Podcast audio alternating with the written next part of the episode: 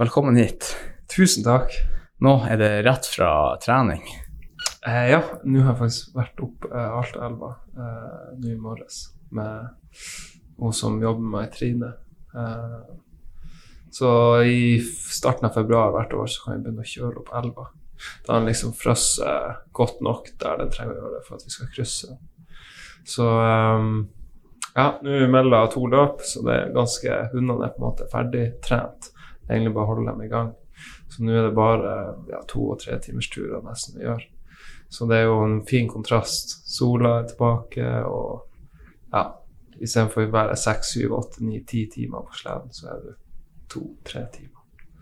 Så eh, det er veldig ja, behagelig, kan du si. Det er jo luksus, rett og slett. Ja, så ja det er litt det, det er liksom alt man har hele treningssesongen frem til nå, og så løp, og så Nå er liksom hundene der de skal være. Uh, nå er de gjennomtrent, de vet hva det handler om.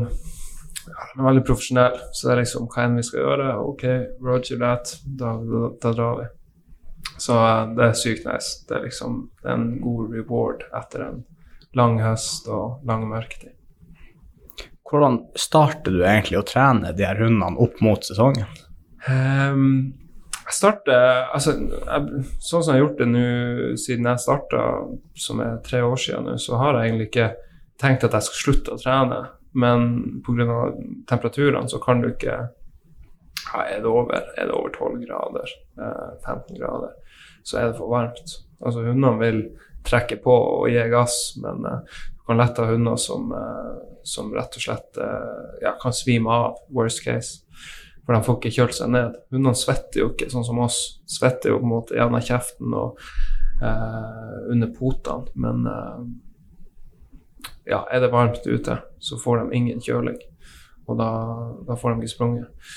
Så på varme dager, på sommeren og sånn, altså mai, juni, juli, mai, det er ofte at vi har kjøreforhold på fjellet lenge. Så da drar jeg på Da er det jo koseturer. Da det, handler det om å lære hundene å kjøre høyre-venstre usporer, og så kanskje fiskemann. Og, men man trener dem på en måte litt ned. Altså hadde de vært peak form går inn til sommeren, så, så er ikke det så bra. Da har de så stort behov for, for stimuli i form av lange turer til å gå til å være nesten være parkert. Men på sommeren så er det å springe løs. Og jeg så på den treningsloggen, så hadde vi ti økter i juni og juli totalt. Så hvis det er en kjølig regnværsdag, så er det sånn OK, da får vi ut en, en liten løpetur. Men det er mer for å Ja, så man stopper ikke treninga, men pga. klimaet så, så stopper det opp litt. Og da er det å springe løs, og så er det de dagene det er mulig å, å faktisk få, få noen kilometer i beina, så gjør man det. Og så kommer august, og da er det forhåpentligvis kjølig nok. Som regel, sånn som det var i år i august, eller i fjor august, så, så fikk vi trent med kontinuitet de to første ukene, og så ble det skikkelig varmt. Og da var det bare å springe løs. Og så i september igjen, så fra og med september så var vi Ja, har vi fått gjort alle øktene eh, frem, til, eh, til her jeg sitter i dag, da. Så um, så er det noe altså August og september trener jeg de løpshundene nede på Holmen. Og så i starten av oktober, eller i midten av oktober, alt ettersom hvordan, ja, hva som er mulig, så flytter vi dem opp til en camp som vi har i, med solovåpen. Det er egentlig med foten av fjellet det beskades i en sånn liten dal. Som vi har fått lov å låne av Fefo og Mailis, som har eh, Solvåpen i fjellstue. Så der har vi hundehus og en liten lavvo campingvogn, spikertelt. Så jeg kalte Holmen uh, Performance Institute. ja, ja, ja, det er jo perfekt. Så, ja, det er perfekt. Da er de liksom i boble hvor det handler om å, å springe eh, og hvile når man ikke springer. Eh, og, så, og så bruker vi det med gjester fra slutten av januar. Så, um, men ja, så man begynner på en måte når temperaturen er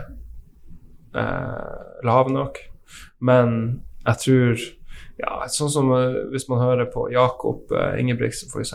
Han jeg tror ikke de har Jeg tipper de springer 360 dager i året. Det er ikke sånn at de har mange dager de ikke springer. Så En hviledag for dem kan være at de skal springe rolig eller springe kort. Så jeg tror jo veldig på det at uh, skal du være løper, så bør du helst springe 360 dager i året. Men du må styre intensiteten og distansene ettersom altså det er bærekraftig. Men um, Hundene er jo ikke altså hundene kan ikke, Du kan ikke få en hund til å tenke at jeg skal springe OL om noen år, eller jeg skal springe Finnmarksløpet om noen år, så jeg må bare motivere meg på tunge, tunge dager. Det kan jo vi sjøl på, påføre oss, mens med hundene så må du på en måte du må balansere treninga i forhold til hva de eh, tåler psykisk. For fysisk tåler de ganske Ja, de hadde tålt å sprunge 360 dager i året. Vi, vi tåler jo det, og de er mye mer kapable enn oss å springe. Eh, så, så, ja, man må liksom finne måter å motivere dem på eh, for å gjøre alle de aktene du skal gjøre. Og måter å gjøre det på er jo kjøre forskjellige spor, kjøre forskjellige distanser, kjøre forskjellige posisjoner i spannet At de springer forskjellige plasser. Uh, springer forskjellige tider av dagen. Lyst, mørkt. Altså, og det her er jo en balanse du må bare finne ut sjøl med de individene. De er like unike og individuelle som jeg og du er. Uh, så så enhver flokk eller ethvert spann eller enhver uh, gjeng med hunder vil jo ha ja, forskjellige knapper du må trykke på i forhold til å holde oppe den ja, drivkrafta du vil ha. Du vil jo ha en drivkraft i dem med alt du gjør så er det liksom den balansen. Når har du gjort for mye? Når du får lite? Finne den sweet spoten hvor du får, får, får gjort mest mulig uh, uten at du ødelegger noe. Uh, så, og det er jo den balansegangen jeg har uh, prøvd å, å, å, finne ut av nå siden jeg starta. Mm. Så blir hundene veldig påvirka av deg og ditt humør? Ja, de er, de er flokkdyr, og, og, sånn vi jobber med, med, dem, er jo at vi på en måte vi, Det vil jo alltid være noen Altså, det er et hierarki der hvor du har noen som Noen som, som, som er veldig sterke, dominante typer. Så har du litt de her happy go lucky som ikke Ja, de bryr seg ikke så mye om posisjon eller noe som helst. Så har du de litt mer beskjedne som følger gjerne. Um, men hadde vi sluppet dem løs i skauen eh, og bare latt dem være ulver, så hadde jo på en måte de her litt sterkere begynt å, å ja, bli flokkleder. Men som vi jobber med dem, er jo at vi som mennesker er flokkledere. Og jeg tror jo som all ledelse, uansett om det er med dyr eller mennesker, så ser du svakhet eller usikkerhet eller uh, bekymring hos lederen, så, så, så, så smitter det. Uh, så det har absolutt mye å si hvordan du ja, hvor mye energi du har, hvor selvsikker du er, eh, hvor mye selvtillit du har, og alt det her. Og du kan ikke fake det. Du kan ikke bare komme Du kan ikke være um, brakk og så komme inn i hundegården og så bare tro at uh, du kan fake det. Uh, mm. det, det, det, det, lukter det lukter dem på en mils avstand. Uh, så, og det er jo det jeg syns er fascinerende med hele det her, at du skal liksom Spesielt i forhold til løp, for da skal du jo du pusher ganske mange grenser for, egen, eh, for deg sjøl, eh, med lite søvn og mye ut Altså, du er jo mange, mange timer ute på beina og i kulde, og det kan være dårlig vær, osv., osv. Og, og da å liksom finne en sånn tune hvor du egentlig ikke Du blir aldri satt ut, eller du blir ikke, du blir ikke redd for du tenker ja, det ordner seg uansett. Så finne den, finne den tunen da hvor du, hvor du jeg er ganske uredd. Og da tror jeg at ja, er du uredd, så, så hvorfor skal de være redd? Um, så det, ja, det har alt å si, tror jeg. Hvis du skal, hvis du skal kjøre påsketurer og uh, med fullada hunder i kjente spor, så kan hvem som helst kjøre hund. Uh, men når du skal begynne å gjøre vanskelige ting med dem, eller gjøre utfordringer, eller så, så må det være Ja, da må du, da må du være en person som som, som, som uh, går frem uh, og er sterk og tydelig, tror jeg.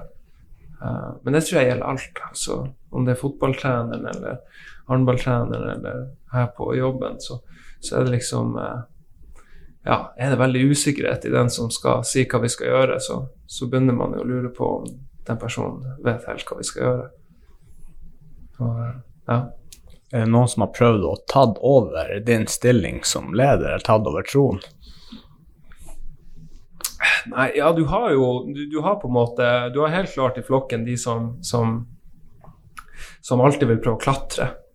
Så hvis, du, hvis f.eks. jeg tar med deg, da, så skal du være med et par uker og trene og gjøre alt det rundt det da vil man fort oppleve at, eh, at de, de tøyer grenser eller går over grenser uh, hele tida. Uh, og det kan skje med de her som er litt mer De som gjerne klatrer litt, de, de vil prøve seg nå og da. Og de vil gjerne prøve seg når uh, Hvis det er noe litt tøffere vi gjør, litt større treningsmengder vi er inne i, hvor det på en måte sånn tester litt om skal vi nå gidde det her, folkens? Og da, da, tror jeg det er veldig viktig at uh, man slår ned på det. Og måten du slår ned på det, er jo egentlig at du bare sier at nei, det, vi, har, vi, har, det her igjen, og i morgen igjen. Uh, og det er du fullt kapabel til å, til å gjennomføre. Um, så ja, du vil ha dem som prøver, og så kan det jo være oppblomstring til slåsskamp osv. Det kan jo ofte være med de karakterene som skal rett og slett mobbe noen andre i flokken. Uh, så man må være der hele tida. Man må være der i, når man Ja, egentlig hele tida. Når, når, du er der, så er det der du er. Og det er det jeg liker med det òg. Det er veldig Det er så ekte som du får det. Ja, jeg kan tenke meg det må være veldig fint å kunne være ute hele tida, liksom på jobb. Ja. Da er du ute i frisk luft, og det er jo det beste som finnes, egentlig.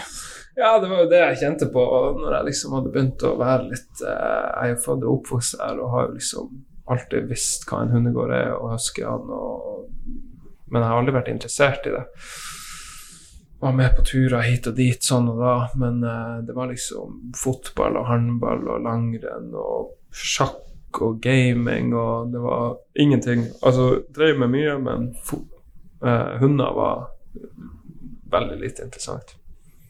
Så, uh, men det er noe jeg har, har i ja, senere alder, når jeg kom hjem og hjalp litt til, at jeg bare Shit, det her er faktisk en, en, en kul livsstil.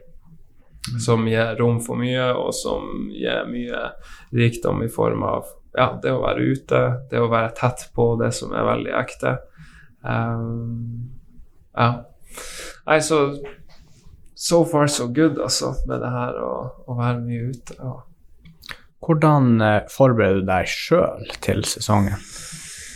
Um, ja, denne sesongen så har jeg I fjor så, så Jeg mener jo at du bør være så godt trent som overhodet mulig, spesielt kondisjonsmessig. Med en gang du begynner å, med en gang du begynner å kutte søvn, sånn som på Femundløpet nå, så var jeg ute i tre døgn. Og så sover jeg to ganger en og en halv time. Ja, det var ikke mye. Eh, nei, det er ikke mye. Og så fortsatt skal du være upbeat, du skal være selvsikker, du skal gjøre tingene dine riktig og ryddig og effektivt, og du skal springe opp en haug av bakker. Det løpet der er jo faktisk høy Altså, vi klatrer jo høyere enn Mount Everest eh, i løpet av de tre døgnene. Eh, så det er mange høydemeter, det er kaldt, det er masse smådetaljer du må ta hånd om. Eh, så i fjor så hadde jeg hatt kontinuitet i treninga mi før løpet. I år har jeg ikke hatt noe kontinuitet før, uh, før mitt første løp. Det har vært sykdom, det har vært for mye ting som ikke passa i hop for at man skulle kunne få gjennomført økten. Og ja, det er rett og slett ikke blitt nok kontinuitet i det, som gjør at jeg har vært dårligere, ja, dårlig kondisjon vil jeg si, eh, enn i fjor. Og det merker jeg. Det, det var en stor kontrast på, mm. på ja, overskuddet. Det er liksom, du, du kjenner at ja, jo bedre kondis du har, jo, jo mer overskudd har du. Har du bare Drar du og springer i skog og mark, da, eller står du inne på en mølle? Nei, jeg liker Jeg driver en del med klatring. Eh, det er liksom en sånn side-hobby som jeg prøver å bruke tid på når det ikke er hundekjøring. Eh, også springing. Så om det er springing ute Jeg gjør aldri intervaller ute. Da er det intervaller på økta, nei, på mølla.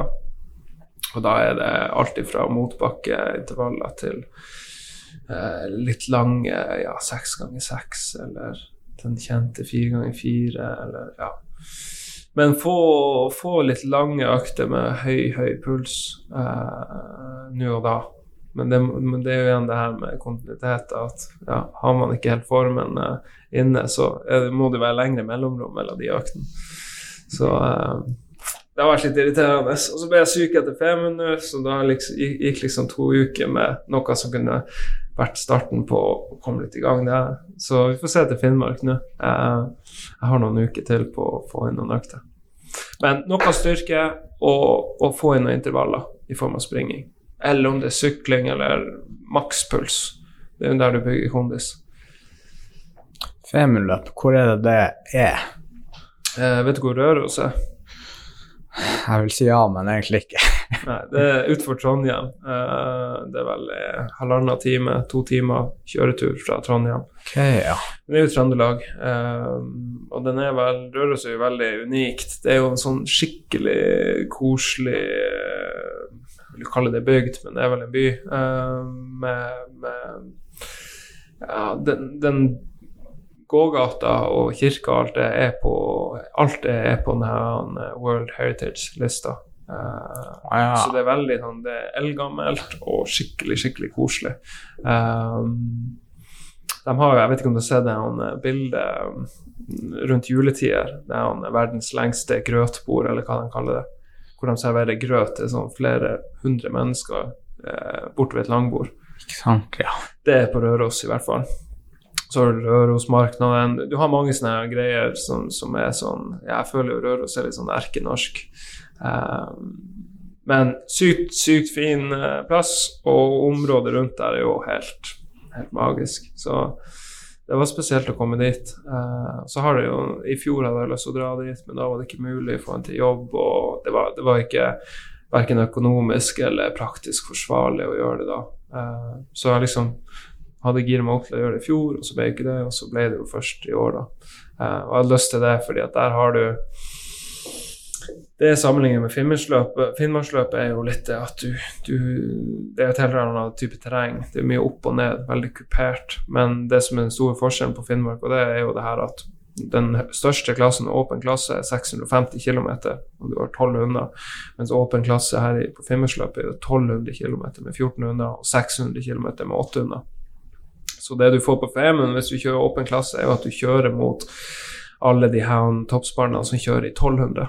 Um, og det har vært litt uh, Ja, jeg har vært gira på det. Jeg har ikke et sparn som er klart uh, i mine øyne for 1200, men 650 der nede de har de vært klar for. Så det er å, uh, å kunne ja, kunne kjøre mot Thomas Werner og Birgitte Næss og, og Marit Bate Kasim og Niklas Rogne, Hanna Lyrek, alle de her. Og bare se, for det er jo folk som har brukt veldig, veldig, veldig veldig mye mer eh, eller lengre tid enn meg på det her, og på sine hunder, og på sin avl, og på sin metodikk. Så det å få liksom få en For det er det du får. Du får en eh, Du får en reality check på hva er det du har. Altså, du kan ikke Du får ikke kjørt over hundene sine evner på langdistanse. Det, det, det er liksom uh, Ja, det er et langt, langt maraton. Så, så, hvordan enn du klarer å balansere det og fra A til B, det, det, er på en måte det du klarer med det spannet. Og så er det jo å se hvor de andre ligger i landet i forhold til det. Um, men det var kult. Det, var, det er langt å kjøre. 3000 km. Det, ja, det er litt. I bil. Og så må hundene ut hver tredje, fjerde time av hengeren. Luftes, fôres, vannes. Eh, så den kjøreturen ned dit og kjøreturen tilbake, det, det er et ganske stort prosjekt. Og så er jo det her i høysesong for bedriften vår, så vi får se mm. neste år om Det er ikke siste gang jeg har kjørt Femund, det er det ikke, men om det blir, eh, om det blir repeat neste år, det er jeg usikker på. Du kan ikke ta fly og få noen andre til å kjøre ned alt. ja, det hadde jo vært fint. Jeg vet Hanna, hun, eh, hun kjørte jo ned med typen av hender, så hadde hun faktisk skole ja, rett etter løpet. Så hun fløy på skole, og, og de kjørte. Det var fint med en sånn ordning. Det er jo helst etter løpet at du vil bare egentlig slippe å kjøre 1500 km til Alta. Da er du allerede lei fra, fra selve løpet. Mm. Ja, du blir eh, sånn som der, så, så, Og der igjen har du jo alt å si hvor godt trent du er. Jeg var ikke spesielt godt kondisjonstrent før løpet, og jeg tynte det som var å tyne. Altså, jeg var tom på mange, på mange tidspunkt.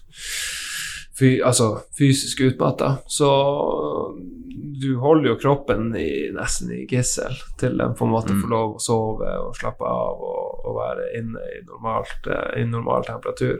Så um, det er jo det liksom å kjøre når du er så ut, ja, når du er så trøkt og driver og kjører så mange kilometer, det er ikke så nice. Hvordan er det da når du er på når du har sovet i tre timer totalt og du er 100 km unna mål, er det mange tanker som går da? Har du lyst til å slutte? Nei. Nei, nei, nei. Jeg har ikke, jeg har ikke hatt et fiber av at jeg har lyst til å slutte på noe av det jeg har gjort med hundene. Ikke en, ikke en omtanke i det hele tatt. Du er Sånn som jeg har gjort det nå, så har jeg lagt så mye av tida mi inn til um, forberedelsene på dem. Ikke bare i år, men i fjor og året før der. Uh, og gjort det med, med alt, ja, all energien jeg har, har, har klart å samle opp til det. Så, så, når du først er der, så er det Jeg har brukt å sammenligne med ja, f.eks. på Alle oss har tatt eksamener. Eh, og det er en stor forskjell på en eksamen du, du må ta skippertak på. Du sitter og grinder kvelden før eksamen, du skal inn der. Og du bruker gjerne kanskje alle de timene du skal bruke på prøven, bare for på en eller annen måte få krika inn noe som skal gi deg en ja, det eller C, eller hva du skal gjøre. Så har du de eksamenene hvor du på en måte har eh, f.eks. hatt noe du var interessert i, og noe du har eh, hatt kontinuitet i lesinga på osv. Og, så og de eksamenene du, sover, du gjør jo ikke noe kvelden før eksamen engang. Sover godt, kommer på eksamen, bruker kanskje halvparten av tida på eksamen, og du får A. Det er jo liksom en sånn Ja, det er smooth sailing. Og, og det tror jeg er litt med gjelder med hundekjøring òg. Har du gjort alle øktene? Har du har du, har du hatt med alle hundene på alle øktene, og, og, du vet hva, hva, hva, de er gode for, så er det nesten bare ja, sånn en eksamen. Du trykker play når den starten går, og så er det egentlig bare å nyte. Det er liksom har du, ja, du har grinda lenge for å kunne ha det spannet i den shapen det er i. Så underveis, om det er 10 mil igjen eller 40 mil igjen, så er det tenker jeg ikke sånn at det er 40 mil igjen. Jeg vet at ok, neste snekking er om halvannen time eller om så og så mange kilometer. Mm. Da skal jeg gjøre det her og det her. Den, den og den sokken må fikses. Den hunden må ha nye sokker. Uh, så du har på en måte Du har minioppgaver hele veien. Så ja. Og da er på en måte det neste store målet er det neste sjekkpunktet, ikke nødvendigvis Røros hvor, hvor, det er målgang. For det er så mye Altså, du må ta det sjekkpunkt for sjekkpunkt, og snekking for snekking. Mm. Det høres veldig likt hvis f.eks. jeg jogger eller noe sånt, så ser jeg alltid på ok, når er neste fem minutter, og når er neste kvarter, og når jeg kommer et kvarter, da er kanskje en tredjedel inn i det, og da venter jeg til neste gang det er 22,5 minutter, for da vet jeg det er halvveis. Jeg deler liksom opp i sånne undermål. Ja. Og det høres jo akkurat ut som det samme, egentlig. Ja, ja, ja det, det, blir jo sånne undermål. Men jeg tror også, eller for min del har det i hvert fall vært med den hundekjøringa, spesiell løpskjøringa, at det går så fort. Altså de Sånn som de lange, lange Det var ganske lange økter på Femund, for der har de gjort litt annerledes i forhold til hviletida. Der har du på en måte to sjekkpunkt hvor du har en åtte timer på den første og en seks timer på den neste eller på, den, på, den, ja, på, det andre obligatoriske sjekkpunktet. Så da har du da 14 timer eh, som er Nei, det blir 18 timer. Ikke det? 8 pluss 6. Det blir 14. Det blir 14 timer. 14, ja. eh, som er obligatorisk hvile. Men så kan du jo, sant, da kan du bestemme sjøl hvor mye du vil hvile. Vil du kjøre gjennom sjekkpunkt og hvile på sporet? Vil du ta og droppe et sjekkpunkt og kjøre to etapper? Uh, så det blir, det blir, rom for å gjøre det på mange forskjellige måter. Men sånn på 600 her i Alta, så er det på en måte 22,5 timer som obligatorisk hvile. Ja. Og på et løp på 600 km og et spann som er, er veldig, ja, som er topptrent, så, så er 22,5 timer mer enn nok hvile på 60 mil. Så da er, på en måte, da er det ikke noe annen strategi enn å plassere ut de timene. Så, så, det blir en stor forskjell fra her og, og Femund, at man på en måte kan Ja, du kan hvile mindre på Femund, rett og slett. Uh, ja, for du må vel også tenke på hundene og vedlikeholdet. Kanskje Ja, 100%. når de er i de her obligatoriske hviletidene. Ja, ja. Og du, du, du eh, Det er jo det som er. Du, du, har du vilt for lite, så, så får du det. Så får du det. Og får du det, så det, kan det være vanskelig å rette opp. Men med et veldig godt trent barn, så, så er det ja, Hvis du ser at nå er det for, litt for slitent, hvis du tar en tre timer, fire timer, fem timer hvile Seks timer hvile, så har du et nytt spann, så å si. Altså, de er så Prosessene deres på recovery er helt, helt ekstremt. Eh, så Men ja, hva jeg skulle svare på? Jo, det her med, med delmålene, så jeg har ikke trengt delmålene. Det har heller vært en sånn Du er i en, et evig progresjonsjag, så hver meter er en progresjon. Og summen av alt du har gjort, er den progresjonen du får her. Så du på en måte jeg går, jeg, jeg trenger ikke de eh, Jeg trenger bare å se rytmen, jeg trenger å se drivkrafta i dem, jeg trenger å se um, alle de tingene de må gjøre for at de skal kunne fortsette med den drivkrafta og den flyten. Og det er å spise snekken sin, det er å eh, hvile når de skal hvile, det er å spise de store måltidene når de skal spise de store måltidene. Eh, men det her er noe de har gjort tusenvis av ganger, tusenvis av timer. Så det er jo Ja, det er litt sånn plug and play. Så er det det, det avanserte med det er eh, Hvis du kjører for fort, kan det komme skader. Hvis du kjører for sakte, så kan det være at ja, da henger du ikke med på hvis du skal konkurrere. Eh, vil du for lite i forhold til hvor mye du kjører, så kan du få skader eller få, få ja, kan knekke unna, rett og slett. Eh, og med, når jeg sier knekke, så høres det litt voldsomt ut, men at du ja, du tar for mye ut av glasset. Hvis du tar og ja, Hvis de starter her på full batteri, la oss si det er full kopp, så er jo målet ditt hele veien å komme til sjekkpunkt, og så er det halvfull batteri. For da vet du at det fylles opp på den hvilen. Men når du begynner å spise under halv, så får du kanskje ikke fullt på neste etappe. Når du skal ut på neste etappe. Og så er det sjekkpunkt til, og så går du enda litt lenger. Så begynner du liksom å grave dypere og dypere tidligere i løpet i forhold til hva de tåler. Og da starter du med mindre og mindre batteri på hundene. Og på et tidspunkt så går den spiralen nedover. Spiser de ikke, spiser de ikke, så er hvilen deres dårligere, energinivået dårligere. Eh, og den vekta de er på fra start, så har de ikke så altfor mye å gå på, de hundene. Jeg vil gjerne ha dem. Jeg vil gjerne ha hunder som er ganske lett, eh, ikke har mye fett, men som har veldig god appetitt, som tar snacking og mat underveis. For ja, all mulig ekstravekt er ikke så nice når du, når du springer. Så ja, det er så mye som går inn i det, egentlig, for å, for, for å gjøre det riktig. Hvor, hvor mange hunder har dere totalt nå på Holmen Husky, og hvordan plukker du ut dem som skal være med i spannet? Eh, akkurat nå har vi 125 hunder, hvor 21 av dem ikke er våre, eh, som vi passer på for en, en annen hundekjører som ja, han skulle på havet og fiske og skulle selge plassen han, eh, han hadde hundene. Og så trengte vi hunder samtidig, så det var en perfekt løsning å få ja, Skulle man hente litt hunder her og litt hunder der, så er det ofte litt vanskelig, for de skal jo inn i en flokk. Og, men 125 nå, og dem eh, Hvordan jeg plukka dem, var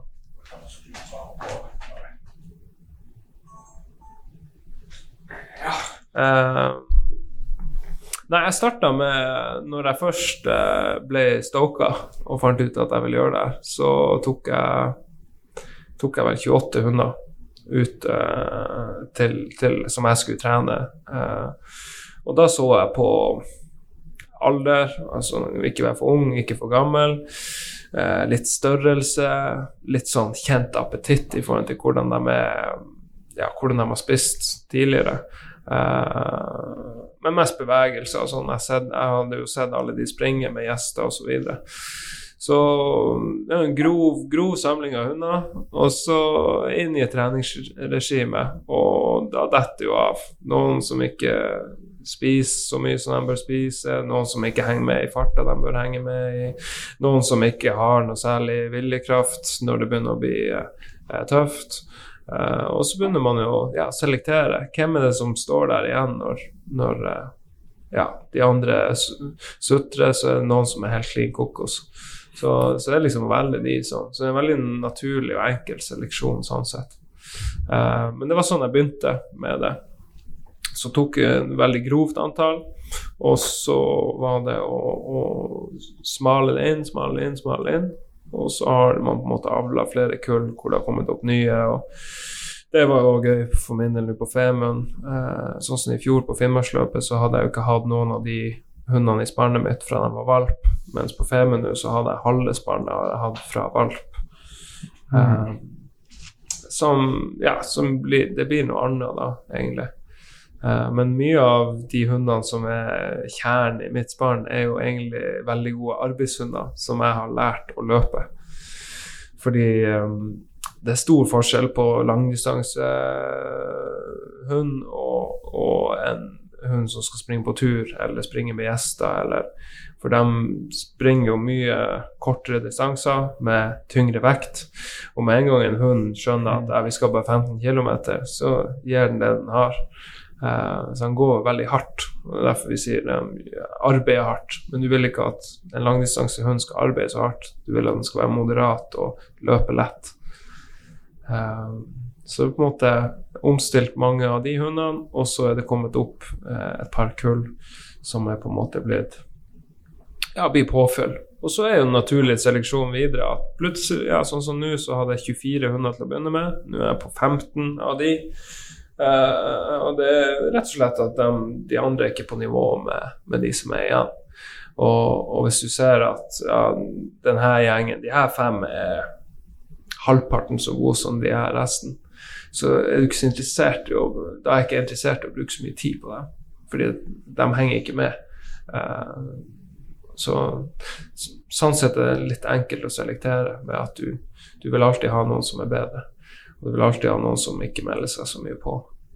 Um, ja. Så er det jo selvfølgelig hunder du Noen hunder som er veldig fint sosialt sett, eller ser fine altså Du kan favorisere dem på andre måter.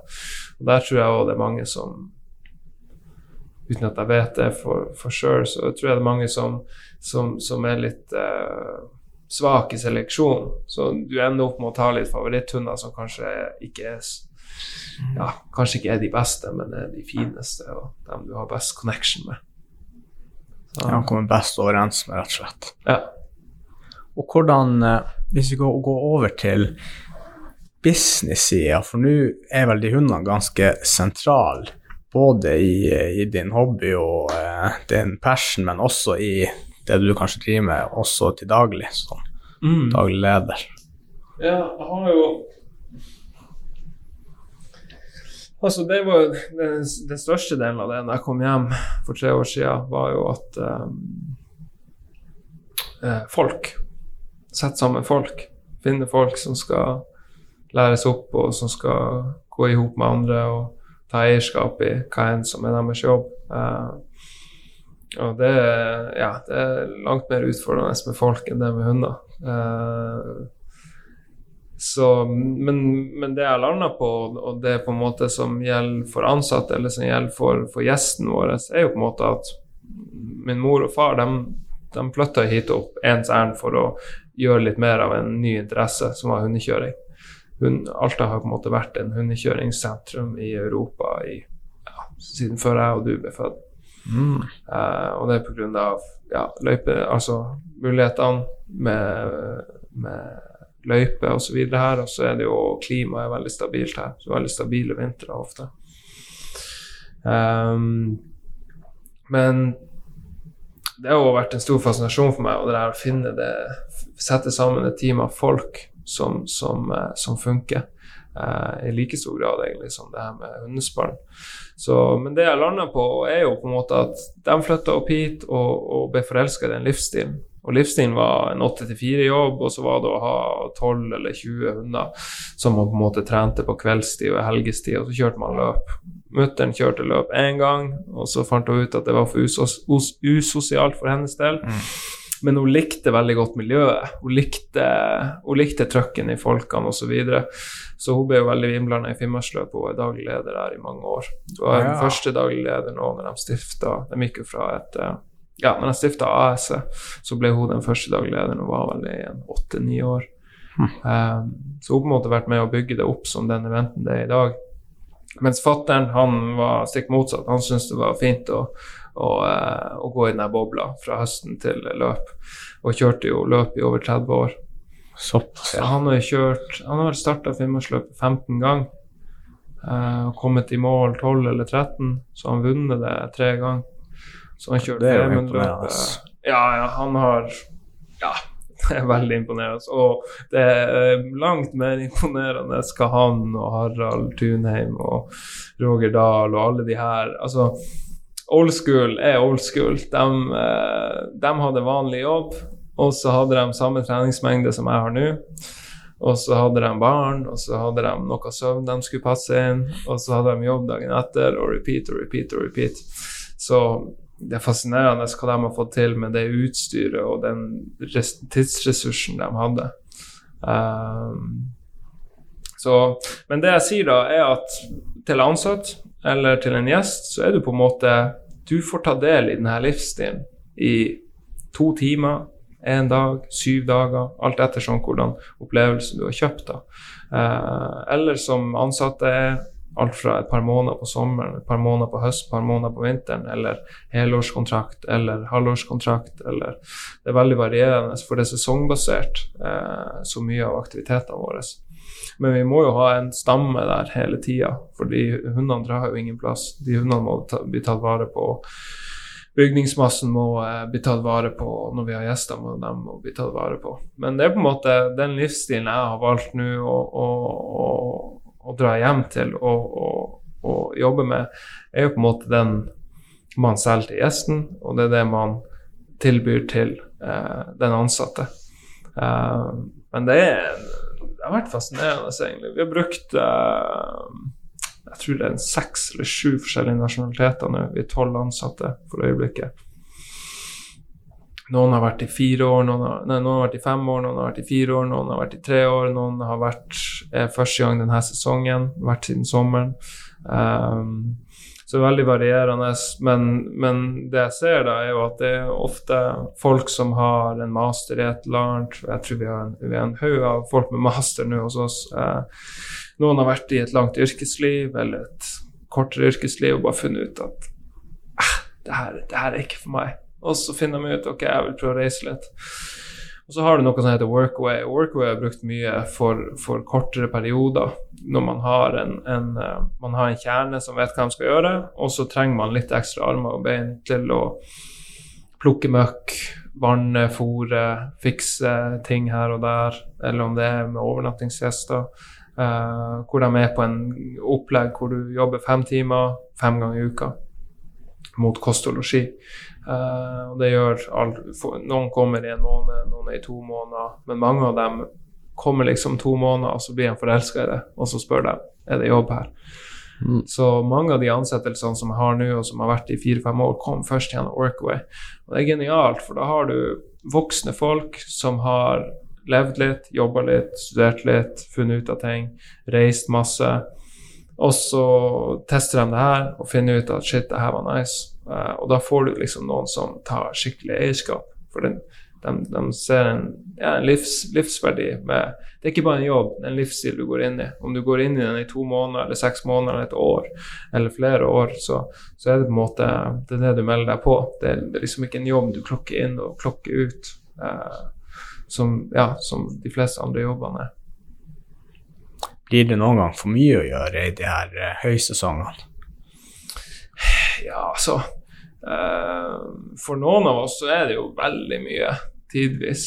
Altså, du går jo I fjor var jeg veldig sliten på våren, uh, men da var jeg litt sånn uh, enda i super Superman-mode. Altså, uansett hva som kom, så tenkte jeg ja, ja, ja, vi tar den, vi tar den, vi tar den. vi tar den. Men på et tidspunkt så var det ikke mer overskudd igjen.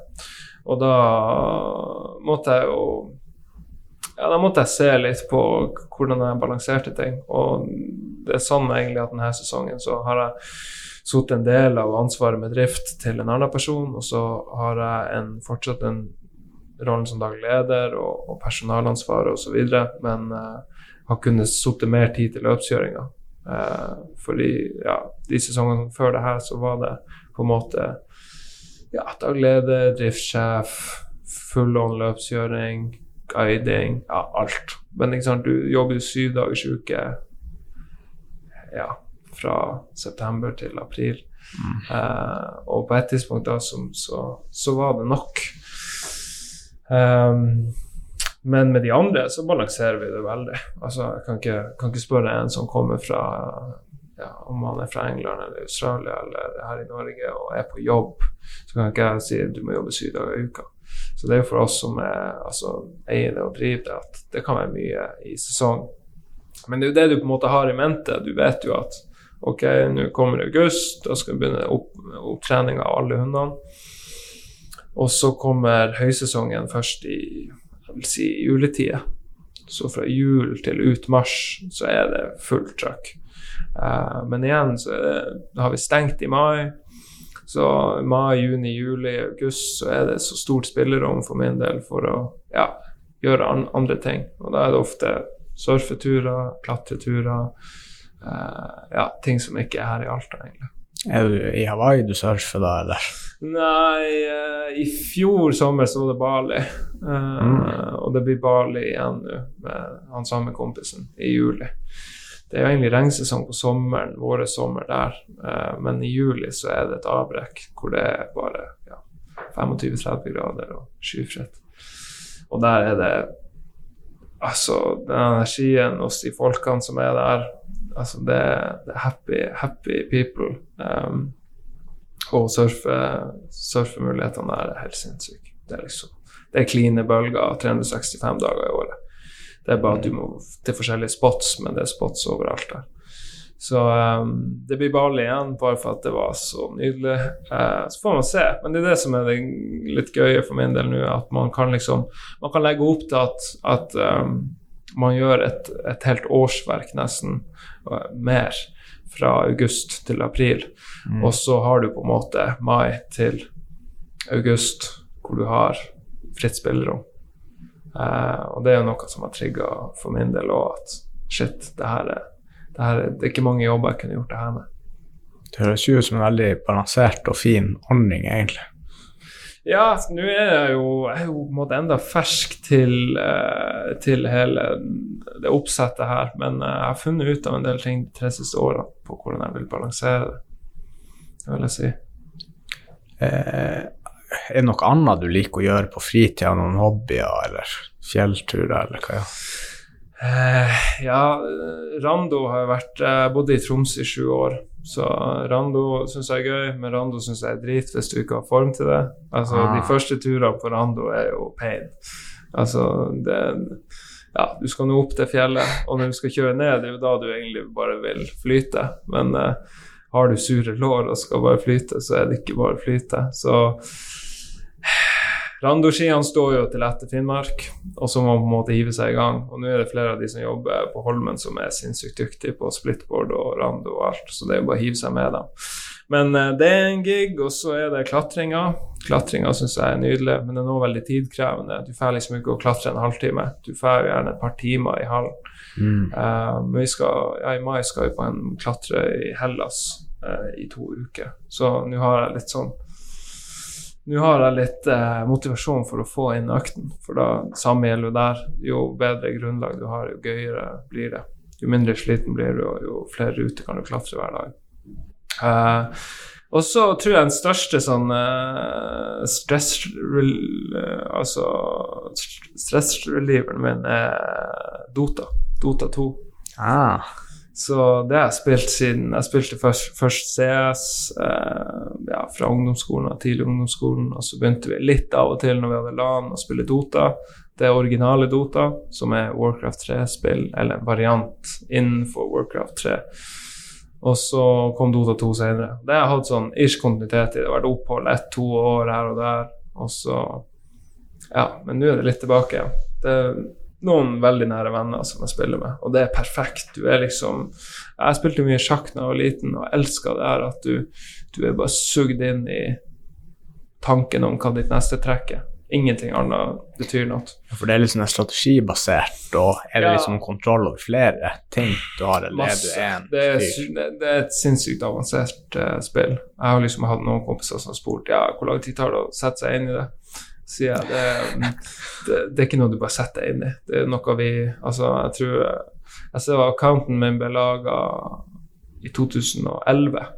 Mm. Så det er jo det er noen år siden. Og siden da så ser jeg spilletid er 4400 timer. Så ja, 4000 timer. Så, Ja. så, så eh, Men det, det, det er veldig avansert. Du har masse helter som er heroes, da. Det er fem mot fem heroes, og du er fire eller fem på hvert lag. Du har masse tårn og en hovedbase eh, som er målet å knuse, da. Eh, Og så har du et Ja, hver hero har masse forskjellige talenter. Kan kjøpe masse forskjellige items som gir forskjellige talenter. Eh, ja, og det, er mye. Det, det er vanskelig å forklare Dota, egentlig. Men sånn enkelt sagt så er det, er det jo et strategispill og et lagspill hvor det handler om å knuse motstanderen sitt, eh, sin base. Ja, det blir litt sånn ja, at du er fem on fem, på en måte. At du er Ja. fem som spiller på ett lag, og spiller mot det andre. Ja. Ja, for min del så gikk det mye i, i Battlefield 1 og Call of Duty og Fallout og Skyrim. Det var liksom dem jeg spilte mest. ja. Så har vært litt TM i de siste året, Eller når vi samles en gjeng, så bruker vi å spille litt TM eller andre ting på, på PS-en, da. ja. Som passer. Ja, nei, jeg syns uh, Jeg har aldri gått Jeg har liksom vært så trofast. Når jeg spilte CS, så var det liksom bare 1-6. Jeg gjorde aldri noe annet enn 1-6. Og når det ble Dota, så har jeg liksom ikke gjort noe Jeg har ikke spilt noe annet spill enn Dota, egentlig. Litt Fifa med Jeg sliter med temperamentet når jeg spiller Fifa. det, det, det er helt sykt. Men det er noe med det han, eh, å sette seg med noen gode kompiser og spille noen games og sjabbe om viktige ting eller uviktige ting, eller bare om spillet. Det er veldig sånn eh, Ja, det er et rom jeg på en måte hadde lagt vekk når jeg kom hjem først og var liksom sånn Shit, nå skal vi optimalisere alt. Mm. Den gaminga, den er, eh, den er irrelevant. Den, den, det tidstyv som du ikke har noe, noe igjen for. Men uh, med å grodd litt, så har jeg liksom sett at den er den er en viktig arena, for min del i hvert fall, på på en måte gjøre noe helt annet, fokusere på noe helt annet, gå inn i en annen boble som ikke handler om jobb eller hundene eller Så ja, det, det er på en måte Det er hobbyene, da. Og så surfing er litt vanskelig å få gjort her, så må man reise Ja. på. Men det er klatring og Dota. Og så eh, er man en del på Actec, eh, hvor det er ja, vanlig styrketrening og intervalløkter og iskulp og badstue. Ja, det må til. Jeg var faktisk der på mandag og svømte, sto i kulp, badstue og kulp. Ja. Da blir man jo helt i syk form når du er ferdig med det. Ja, når du går ut døra av Actic da i friskluft, så, så eh, det ikke kom å si at eh, du føler deg kjip da. Jeg har begynt å eksperimentere litt med sånne her kalde dusjer også. Ja, Så går og prøv deg å stå tre minutter på kanskje 95% av det kaldeste det går, så gikk jeg ett minutt over på det kaldeste. ja. Og etter du er ferdig med det, så er det sånn at da jeg begynner bare å gjøre ting automatisk, og plutselig er jeg på PC-en og skriver noen mail, så jeg bare gjør ting, for det går nesten automatisk. Jeg får så mye energi av å gjøre det. Eh, hva, hva du gjør etter? eh, altså går du, du Dusjer du da kaldt i tre minutter, og så går du ut av dusjen? Eller dusjer du varmt etterpå? Nei, da først skrur jeg på dusjen i ganske kaldt, at det er liksom behagelig å drikke det, og så skrur jeg det så kaldt at det er ganske kaldt i munnen, og så holder jeg det kanskje i tre minutter på 95% av det kaldeste før jeg på den tredje minuttet slår den opp til helt kaldt. Så da er det på ett minutt rett etter de tre minuttene. Ja. Så jeg er liksom under det helt til jeg er Men ferdig. hva du gjør etter det? Da står jeg og prøver å forklare på meg fort som faen for at jeg holder på å fryse i hjel. Ja, okay. så, så du varmer deg ikke opp med varm dusj etter det? Nei, Nei. nei, jeg går rett ut av, Ja, av det, da. Så jeg prøver å starte kaldt og liksom avslutte kaldt. Ja, nei, altså så, eh, det er ikke noe tvil om at det, det er masse gevinst i, uh, i kaldt og varmt. Uh, men den kalde er jo, er jo ja, det er en hardest om morgenen. Men uh, jeg har gjort det mye sjøl. Jeg har vært ganske pinglete på det her, uh, det her året versus i fjor. Men i fjor så hadde jeg en tremånedersperiode, for jeg bor nede på Havspeil. Uh, og der er det jo egentlig ingen excuse. Det er jo den mm. perfekte veien til iskaldt vann uh, om morgenen. Så uh, da hadde jeg en god kontinuitet på det etter å ha sett den My Octopus, eller Living with the Octopus. Husker, det er en jævlig kul dokumentar om en kis som svømmer med en blekksprut i 100 dager i strekk. Jeg vet ikke om du har sett den? nei, den anbefaler jeg i hvert fall. Den vant en haug av priser også. Uh, men i hvert fall da svømte han i ganske kaldt vann, og det var fascinerende siden av den hvor han på en måte sa at ganske mye endra seg. Det kom et tipping point etter 20 dager eller noe, når han har vært i det kalde vannet hver dag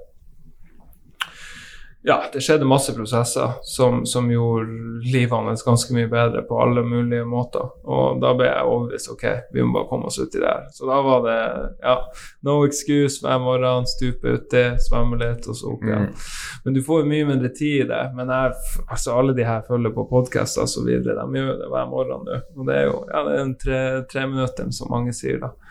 Tre minutter i iskulp eller i, i uh, i havet er jo like kaldt som iskulp. Og det er jo noe med det der og, og eh, da har du jo gjort Altså, hva enn du møter senere i den dagen der, kommer til å være ganske mye enklere enn tre mm. minutter i, eh, i iskaldt vann. Så jeg tror med å ta en såpass stor seier om morgenen, så blir resten av dagen ganske simpel. Det blir ikke så utfordrende. Jeg er helt enig. Jeg har ennå ikke klart å gjort noen av de kalde greiene på morgenen. Det er vanligvis etter jobb. Så jeg må ja, okay. klare å manne meg opp til å kjøpe et badekar og legge utfor uh, stuevinduet. ja, nei, det ja, nei, hvis man, får, hvis man fortsetter å gjøre det, så tror jeg alle bør gjøre det. det hvis du kunne gitt deg et tips som 20-åring med all den erfaringa og kunnskapen du har i dag, hva ville du sagt til ditt 20 år gamle sjøl? Jeg tror jeg ville eh, sagt at begynne å, å utforske uh, rutiner. Begynne å, begynne å, begynne å Begynn å jobbe med å ha et fast mønster på, på det du gjør. Altså når du står opp, når du gjør det, når du gjør det, når du gjør det, når du legger deg.